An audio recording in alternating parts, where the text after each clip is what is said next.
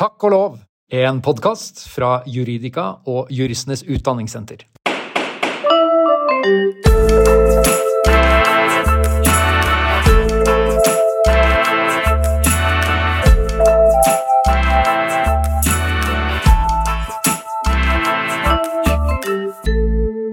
Hei og hjertelig velkommen til Takk og lov, hun er alene.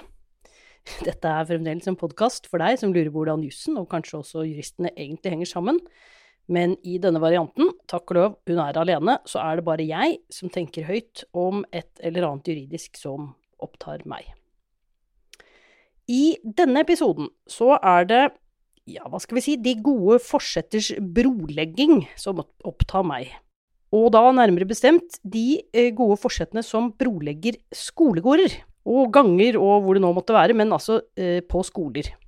For det hender at skoler, eller skoleeiere, i den aller beste hensikt vedtar ting som ikke er helt forenlige med jussen.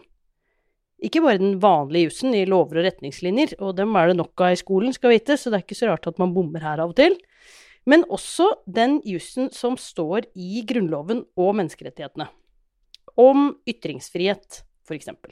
Dette er jo en slags eh, føljetong, og jeg skal komme tilbake til eh, noen andre eksempler også, men det som har gjort at jeg har begynt å tenke på dette akkurat nå, det er et vedtak som Viken fylkeskommune fattet eh, like før påske, 29. mars, om hvordan man skulle gjennomføre valg på skolene, altså skolevalgene på skolene.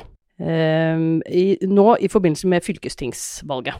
Og det er jo viktig. Skolevalg er viktig av flere grunner. Eh, både selvfølgelig fordi eh, elever får anledning til å delta i valg, selv om de ikke nødvendigvis er stemmeberettigede. Og det eh, kan jo både si noe om hvordan de tenker for uh, folk rundt, og i tillegg så er det jo en form for demokratiopplæring i praksis for elevene. Og det er jo viktig at skolen bidrar til. Bare en liten uh, Eh, tankeparentes der. Eh, skolen er jo en utrolig viktig institusjon. Eh, det er en klisjé, men det, det er jo helt riktig i samfunnet. Jeg deltar ganske ofte i debatter og paneler og ja, innleder til ulike typer diskusjon om eh, forskjellige ting. Eh, ofte, eller iallfall av og til, som en slags kunnskapsformidler inn i politiske felt om demokratiutvikling, eller om statsforfatning, eller om hets og hat eh, på eller utenfor nettet, eller om rettsstatsforståelsen, polarisering av samfunnsomtalen, ja. Mange store, vanskelige spørsmål som eh, det er vanskelig å sette to streker under svaret på, men eh, ofte så ender de diskusjonene, de ender, eller blir en slags sånn konklusjon, med at politikerne eh, fremholder at eh, dette må inn i skolen det, hva det nå er, det fenomenet vi da har diskutert, eller det problemet vi da har diskutert. Vi får liksom ikke opp forståelsen av disse fenomenene med mindre skolen bidrar mer, og det tror jeg det kan være ganske mye riktig i. Det er jo veldig formative år, de årene man går eh, og får utdanning i grunnskolen og videregående skole. Uh, og jeg, det er jo, hvis ikke allerede fantes ganske gode argumenter for å øke lærerlønningene, og jeg tenkte så måtte jo dette være noe, hvis det er sånn at skolen skal løse alle de problemene som ingen andre klarer å løse. Um, så jeg er definitivt ikke uenig i det, men jo meg for et ansvar som legges på lærerne. Det er åpenbart de som må komme opp med løsningen på alt det vi andre ikke klarer. Vel, uh, tilbake til temaet her. Um, også ytringsfrihet er jo noe som må inn i skolen. Eh, og trening i ytringsfrihet og demokratiforståelse fremgår jo eh, etter hvert ganske eksplisitt av eh, læreplanene også. Og ytringsfrihet og demokrati, det er jo mm, en type grunnleggende prinsipper og rettigheter som man for så vidt kan lære om i teoretisk form, men som det er vanskelig egentlig å bli noe særlig god i hvis man ikke trener på det i praksis. Er ikke så Altså, i teorien er det enkelt å tenke at man skal kjempe for eh, at folk skal få lov å si det de mener, selv om man er veldig uenig med dem. Men i praksis så er jo ikke det så lett. Det viser seg jo gang på gang at eh, det skorter på det. Så da må man jo egentlig trene på det, da, og bli utsatt for ytringer man ikke liker, og eh, møte dem med, med ytringer som formodentlig da er klokere eller mer opplyst eller tenker bedre. Og kanskje også minne oss på at ytringsfriheten er jo hva skal vi si, det sivilisasjonsmessige fremskrittet, overgangen fra at man, når man er veldig uenig om noe, slår hverandre i huet med et sverd eller noe annet, til at man blir enige om å være uenige, og i gåstegn slår hverandre i huet, i gåsetegn slutt, med ord istedenfor uh, sverd og hammer og våpen av uh, andre typer. Det er jo uh, noe av grunnlaget for ytringsfriheten. Som det kan være lett å tenke på i teorien og være helt enige om der, men eh, når det kommer eh, spisser seg til, så vil de aller fleste av oss ha noen grenser for hva vi syns det er greit å ytre, og til og med noen grenser for hva vi syns det er lov å ytre. Og som lytterne av denne podkasten vil være vel kjent med etter hvert, så er det masse grenser for ytringsfriheten, men felles for dem er jo at de har hjemmel i lov, og eh, ikke går lenger enn det som lar seg forsvare opp mot ytringsfrihetens begrunnelser i sannhetssøken, demokrati og individets frie meningsdannelse. Og det er jo en rekke ytringer som ikke nødvendigvis passer så godt på skolen. Og det er masse reguleringer egentlig av ytringsfrihet på skolen også. Eh, kanskje mest gjenkjennelig for alle er at du får faktisk ikke lov å snakke med mindre du rekker opp hånda og har fått ordet. Og det er jo en type begrensning som er uh, fullt mulig å gjøre gjennom hjemlig opplæringslova, for ellers er det umulig å drive god undervisning i klasserommet, f.eks. Men av og til så hender det at kanskje lærere eller rektorer eller skoleeiere faller for fristelsen til å begrense ytringsfriheten litt mer enn det de kanskje har hjemmel for, og det er et sånt eksempel vi skal til i denne episoden. Jeg tenkte bare skulle rekapitulere en uh, hendelse for Det blir vel nå fire år siden. I 2019, uh, eh, som, som, kanskje en del husker, da Unge Venstre hadde programfestet legalisering av alle former for narkotika. Fordi de mente at regulering ville gi bedre kontroll enn illegale markeder, og fordi rusavhengighet bør møtes med behandling og ikke straff. Og eh, dette var jo da et synspunkt som de fremmet i skolevalgdebattene opp mot lokalvalget. Så eh, fremmet de dette synspunktet bl.a. ved hjelp av ja, valgkampmateriell med sånn en tegning av en joint mellom to fingre og påskriften 'Legalize it'. Og da var det eh, flere rektorer og skoleeiere og uh, ja, motstander av narkotikalegalisering i politiet, som vi har blitt gradvis mer kjent med, som anså at den kampanjen, den handlet Det var ikke og nærliggende å tolke den som en ytring om legalisering, men som reklame for hasjbruk. Det var jo ikke akkurat noen naturlig tolkning av ytringens politiske poeng, selv om budskapet ble fremmet uh, på en måte som visuelt og språklig uh, kanskje henspilte på en type hasjkultur. Men dette gjorde da at Unge Venstre flere steder ble nektet å bruke materiell med dette budskapet. Og ø, begrunnelsen som ble gitt da det ble etterspurt, det var noen litt vage henvisninger til opplæringslova og verdier der og som tilsier at skoler skal være rusfrie områder. Dette ble det jo heldigvis da en del oppstandelse om eh, i pressen og andre steder. Og det gjorde at det eh, var vel først kunnskapsministeren og så statsministeren gikk ut og presiserte at skolene eh, selvfølgelig ikke hadde rett til å gripe inn i Unge Venstres ytringsfrihet på den måten. Og det ble jo da gradvis tatt til etterretning. Og da kunne man jo tenke at det hadde man lært av, for det var jo eh, Ja, det ble jo løftet opp på høyeste hold, og det var jo en god del medieskriverier om det osv. Men det er jo ikke lenger siden enn nå ja, en måned eller to, så skjedde akkurat det samme eh, en gang til. Så når man tenker for mye på hvordan man kan eh, gjøre verden trygg og god for elevene, så hender det at man taper noen sånne viktige prinsipper av syne. Og det er i grunnen det som har skjedd, tror jeg, i denne saken som jeg nå skal snakke om også. Og da skal vi altså til Viken fylkeskommune, som eh, i et møte da 29. mars Eh, vedtok noen regler for hvordan skolevalget skal gjennomføres til høsten. Og det vedtaket som ble fattet, eller de to punktene som er eh, relevante for den problemstillingen jeg eh, tenker på her nå, de lyder som følger. Valgtorgene, og i parentes bemerket, det er altså noe som kan skje som er et tillegg til debattene som gjennomføres. Så valgtorgene skal gjennomføres umiddelbart etter debattene. Partier som stiller liste ved fylkestingsvalget, får anledning til å delta på valgtorg. Unntaket er partier som fremmer hatefulle ytringer, konspirasjonsfortellinger og ekstremt tankegods.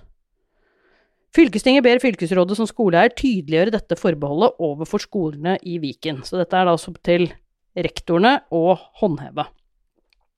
Og så er det det andre punktet. Formålet med skolevalget, står det, er å fremme elevenes demokratiforståelse, oppslutning om demokratiske verdier og demokratiets spilleregler. I tråd med dette formålet skal det ikke gis anledning til å distribuere materiell som fremmer antidemokratiske holdninger eller hat mot grupper i samfunnet til elevene i Viken-skolen. Eh, og dette vedtaket ble da fattet av et flertall mot et uh, protesterende mindretall, som fremhevet ytringsfriheten og lover og regler som, som, begrenser det politiske handlingsrommet. Og bare sånn at det er helt klart Mitt inntrykk er ikke at det står noe sånn veldig politisk bedre til med ytringsfrihetsforståelsen, verken på høyre- eller venstresiden. I dette tilfellet her så var det en, uh, ja, et mer borgerlig mindretall som stemte imot, men, men, poenget mitt er i grunnen at uansett så hender det at politikere faller for fristelsen til å gjøre noe som virker politisk eller samfunnsmessig bra, uh, og glemmer litt at det er forskjell på juss og politikk, og at jussens funksjon, iallfall menneskerettighetene og grunnlovsrettighetenes funksjon, det, uh, det, er jo å sette noen grenser for hva man politisk kan vedta, uansett uh, hvilken farge partiene har. Og det er jo ikke vanskelig å skjønne hva som er hensikten bak dette vedtaket. Det er jo å bidra til at eh, disse, dette skolevalget kan gjennomføres på en måte som mm, er trygg og god for elevene, og som kan bidra til god, eh, et godt første møte eller andre møte med, med, med valgsituasjonen. Og uten at elever føler seg tråkket på eller på andre måter utsatt. Hvis det skulle komme partier som fremmer holdninger som er elevene og andre veldig fremmed. Så de beste hensikter, men de beste hensikter kan som kjent brolegge veien til steder man egentlig ikke ønsker å gå, og det tenker jeg kanskje at man burde gjøre seg noen refleksjoner om i denne situasjonen her. Ikke minst av hensyn til det som fremholdes i dette andre punktet som jeg leste opp fra, nemlig at formålet med skolevalget er å fremme elevenes demokratiforståelse og demokratiets spilleregler. fordi er det en ganske sentral spilleregel som gjelder for demokratiet, så er det ytringsfrihet. Det må være rom for veldig divergerende meninger og, og øh, tankegods, så lenge de holder seg innenfor øh, lover og regler. og det er i alle fall to, ja, det er to hovedproblemer med dette vedtaket. For det første så innebærer jo dette en forhåndssensur. Noen eh, partier som da eh, fremmer hatefulle ytringer, konspirasjonsfortellinger og ekstremt tankegods, eh, vurdert ut fra den enkelte rektors skjønn, de får ikke engang lov å stille opp i eh, skolevalgkamp, eh, eller disse, eh, på disse valgtorgene på skolene. Så der har vi jo et problem i forhold til Grunnlovens paragraf 100 fjerde ledd, som setter et forbud mot forhåndssensur. Og hvorfor gjør man det? Jo, det gjør man fordi vi har systemet i Norge, og det er egentlig helt siden 1814, det er at vi har ytringsfrihet under ansvar. Ja, det kan hende noen sier noe som er håpløst, og til og med ulovlig, men det er først etter at disse ytringene er fremsatt, at vi kan vurdere det, eh, og dermed mobilisere mot det, enten med rettslige sanksjoner hvis det er eh, noe ulovlig, eller sosialt. Og poenget med det siste er kanskje det aller viktigste. Det er bare når vi får høre tankegods vi enten er veldig enig eller veldig uenig, at vi kan begynne å fungere som demokratiske borgere ved å ta til motmæle mot det eh, og prøve å bekjempe det, eller ved å heie det frem, alt ettersom hva vi syns om de ytringene som blir fremsatt. Og demokratiet, det må bygges nedenfra hver dag, og det kan det egentlig bare gjøre hvis vi får tilgang på andres ytringer, også de ytringene vi er sterkt uenig i. Så forhåndssensur er i utgangspunktet et, eh, et, hovedproblem her, nemlig at man stenger ute eh, typer ytringer før de blir fremsatt. Men så er det jo et eh, tilleggsproblem, fordi hva nærmere bestemt er eh, hatefulle ytringer, konspirasjonsfortellinger og ekstremt tankegods? Akkurat hatefulle ytringer, det har en relativt presis juridisk definisjon. Den er ikke så lett å få tak på alltid, og de mange, både leg og lærd, eh, bommer en del på hva som faktisk omfattes av denne bestemmelsen. Eh, som, du, de, som, de, av lytterne vil huske som har fulgt denne alenepodden eh, noe, så var det jo en dom i Høyesterett i i høsten 2022, hvor Høyesterett delte seg 3-2 i synet på hva som kom innenfor og hva som kom utenfor den bestemmelsen. Så den er ikke helt lett å praktisere. Men la oss si at den iallfall har et rimelig presist juridisk eh, innhold som det kan være mulig å eh, vurdere. Men hva da med konspirasjonsfortellinger og ekstremt tankegods? Er det en konspirasjonsfortelling å mene at uh, Covid-vaksinene gjorde mer skade enn gagn. Det kan være feil, det kan være beviselig sånn, vitenskapelig kanskje, det skal ikke jeg ta stilling til her, men, men, det er jo noe som lett fremholdes som en type konspirasjonsfortelling, nemlig at vaksiner er dårlig istedenfor bra. Men det kan jo være et helt legitimt standpunkt, som kan ha gode medisinske grunner for seg. Eh, om det er i forhold til det i forhold til koronasituasjonen eller andre ting, det eh, tar jeg som sagt ikke stilling til. Men at dette er en type tankegods det er eh, fullt lovlig å eh, ha og fremsette og eh, oppfordre til diskusjon om, det er jo åpenbart. Det er gjennomgående sånn at konspirasjonsteorier og konspirasjonsfortellinger, det er det faktisk lov å fremsette. Eh, det kan tenkes situasjoner hvor det har eh, virkninger som eh, gjør at eh, det kan stoppes eller sanksjoneres i, i neste runde, men i, i, all hovedsak så er konspirasjonsteorier rett og slett lovlig å fremsette. Det må bekjempes på andre måter enn gjennom lovverket. Så her har vi et eksempel på en ytring som er lovlig, men som uh, Viken fylkeskommune da har uh, forbudt uh, fremsatt under skolevalgene. Eh, det tredje alternativet, nemlig ekstremt tankegods, eh, likeså. Det er fullt mulig å mene at uh, partiet Rødt eks fremmer ekstremt tankegods, at partiet Frp fremmer ekstremt tankegods, alt ettersom hvor man står politisk, og hvor stor avstand man har til det disse partiene står for. Så går det an å argumentere for at det disse partiene fremmer av synspunkter, det er ekstremt tankegods. Det kan jo selvfølgelig ikke gjøre at disse partiene kan utestenges fra valg. Eh, og i alle fall ikke i demokratiets navn, som er begrunnelsen for eh, dette vedtaket. Eh, og det blir jo ikke så mye bedre i det punktet som snakker om at formålet med skolevalget er å fremme elevenes demokratiforståelse og forståelse for, eller oppslutning om demokratiske verdier og demokratiske spilleregler. Og da at man bruker det, den begrunnelsen som eh, grunnlag for å forby distribusjon av materiell som fremmer antidemokratiske holdninger eller hat mot grupper i samfunnet.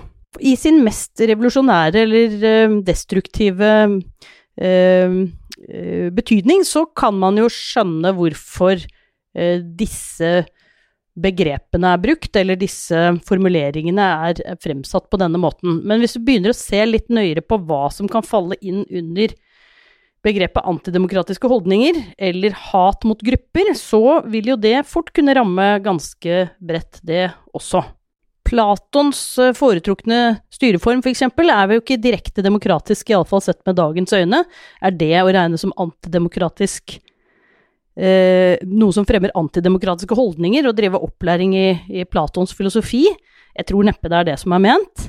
Jeg tror heller ikke utbredelse av eh, tenkningen til eh, Tocqueville eller eh, Fredrik Hayek, som mener, mente at eh, sosialisme var eh, helt uforenlig med demokrati at det heller vil bli håndhevet sterkt av rektorene på disse skolene, eh, bare fordi man kan anse det som antidemokratiske holdninger og stå for sosialisme.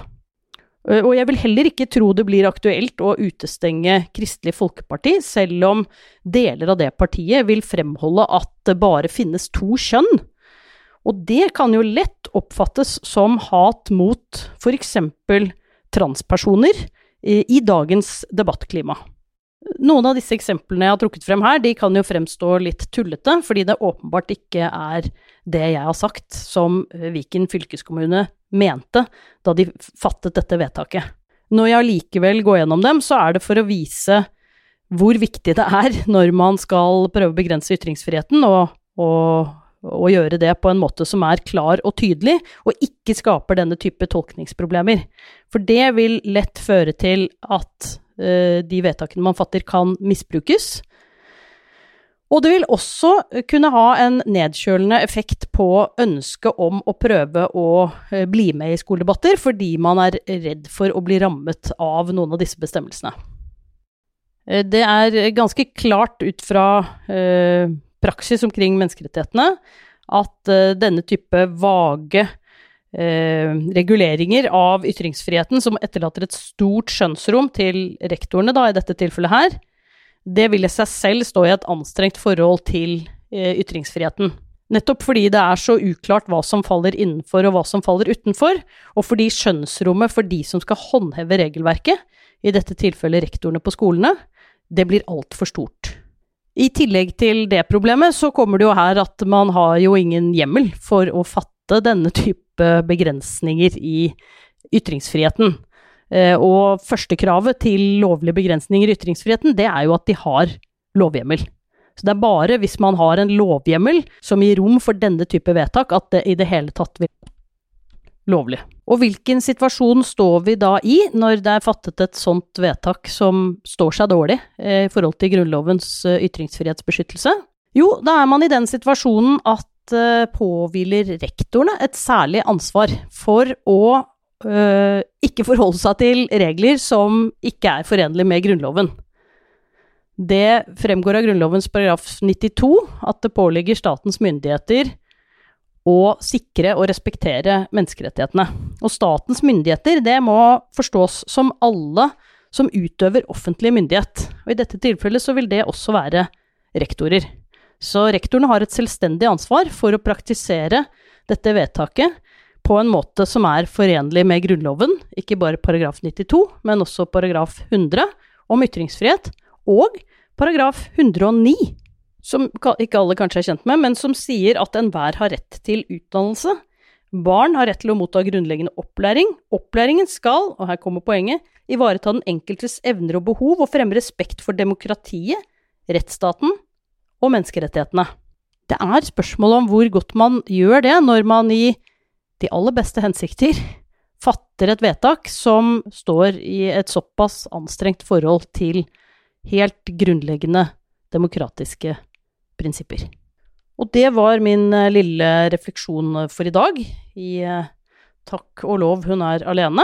Hyggelig at uh, du uh, og dere som har lyttet, fulgte med så langt. Uh, og neste uke så er vi tilbake med nok en episode av Takk og lov, da med en ny gjest i studio. Vi høres!